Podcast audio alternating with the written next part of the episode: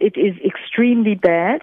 Above the um, barrage, um, we have a very, very good website called uh, www.reservoir.co.za, which is updated weekly and it gives quite a lot of water analysis information, which tells you exactly how bad the situation is. And I can tell you right now that in 100 mil of water, there are millions of E. coli counts.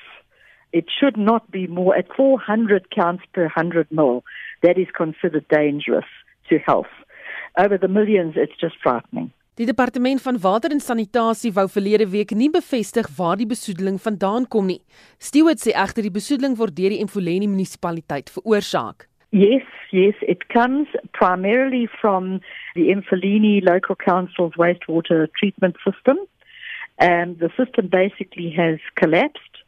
Uh, SAVE has several court orders for pollution of the Vaal River against um, Local Council, our most recent one being in February this year, which was a very, very strong court order.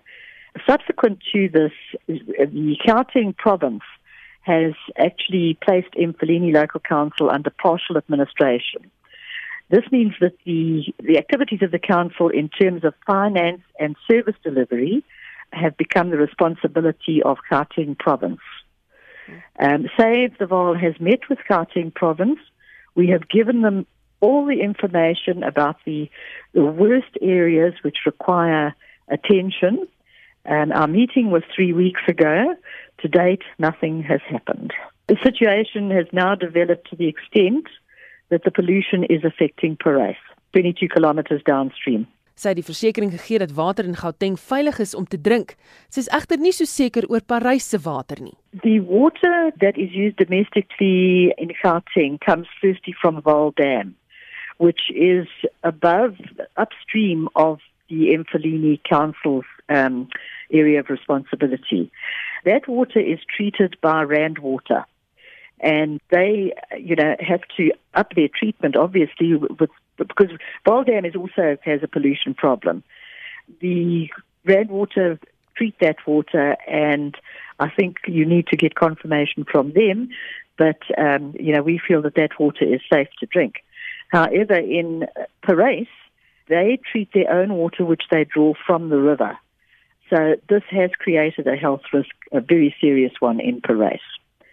And downstream from there. Stewart sê die nasionale departement van water en sanitasie het al verskeie kere aangekondig dat hulle die Sedibeng waterwerke gaan verbeter. Miljoene is al gespandeer, maar nog niks het gerealiseer nie, sê Stewart. That is the whole problem. They don't seem to take it seriously. They, you, you know, they are not we our concern is that the action is simply not happening. And the only way to probably get it to happen is to go back to court.